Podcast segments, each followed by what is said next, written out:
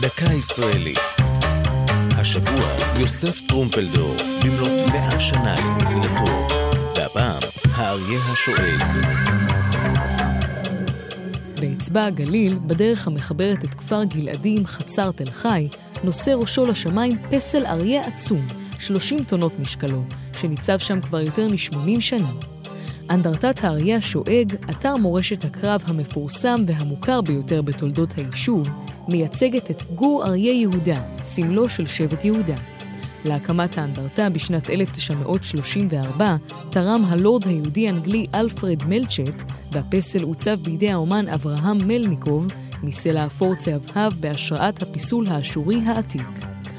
בחזית הפסל, לוח שעליו חקוקות המילים "טוב למות בעד ארצנו", שהן כידוע מילותיו האחרונות של יוסף טרומפלדור, מנהיג לוחמי תל חי, שנפל בקרב במקום עם עוד שבעה מחבריו ב-1920. שמות החללים חקוקים אף הם באבן, שמתחתיה הם קבורים בקבר אחים.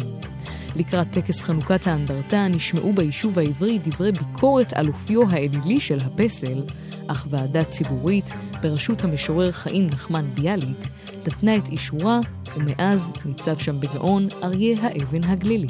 זו הייתה דקה ישראלית על יוסף טרומפלדור והאריה השואג.